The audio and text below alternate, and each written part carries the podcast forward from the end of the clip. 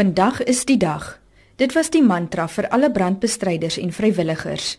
Meer gunstige weerstoestande het brandbestryding vergemaklik en helikopters was in staat om bystand by onbereikbare gedeeltes te bied.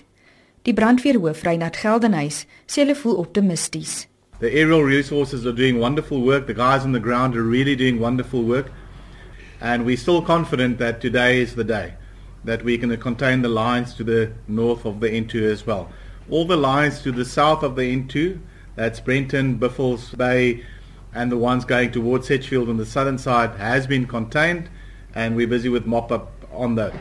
Humanitêre hulp word steeds aan duisende daklose inwoners verskaf. Gift of the Giver se woordvoerder, Ahmed Bam, sê hulle deel elke dag kospakkies vir tot 4000 mense uit. Hy sê hulle het ook 'n mediese span gebring om die tydelike Nysna Hospitaal wat op 'n plaaslike sportveld opgerig is by te staan. Die hospitaal is Woensdag ontruim toe brande die gebou bedreig het. Bam sê hulle werk saam met talle ander organisasies en maatskappye. Aid has been coming in. We've been meeting every day with the joint municipality, but doing also our own assessments, going out, seeing all the distribution centers where the needs were arising, and then just facilitating all the distribution points to take it to the people who really need it. In Nysna se voorstede is ten minste 439 eiendomme verwoes en in Plettenberg Bay is dit bykans 100 huise. Owerhede hoop om van vandag af verdere opnames van skade te doen.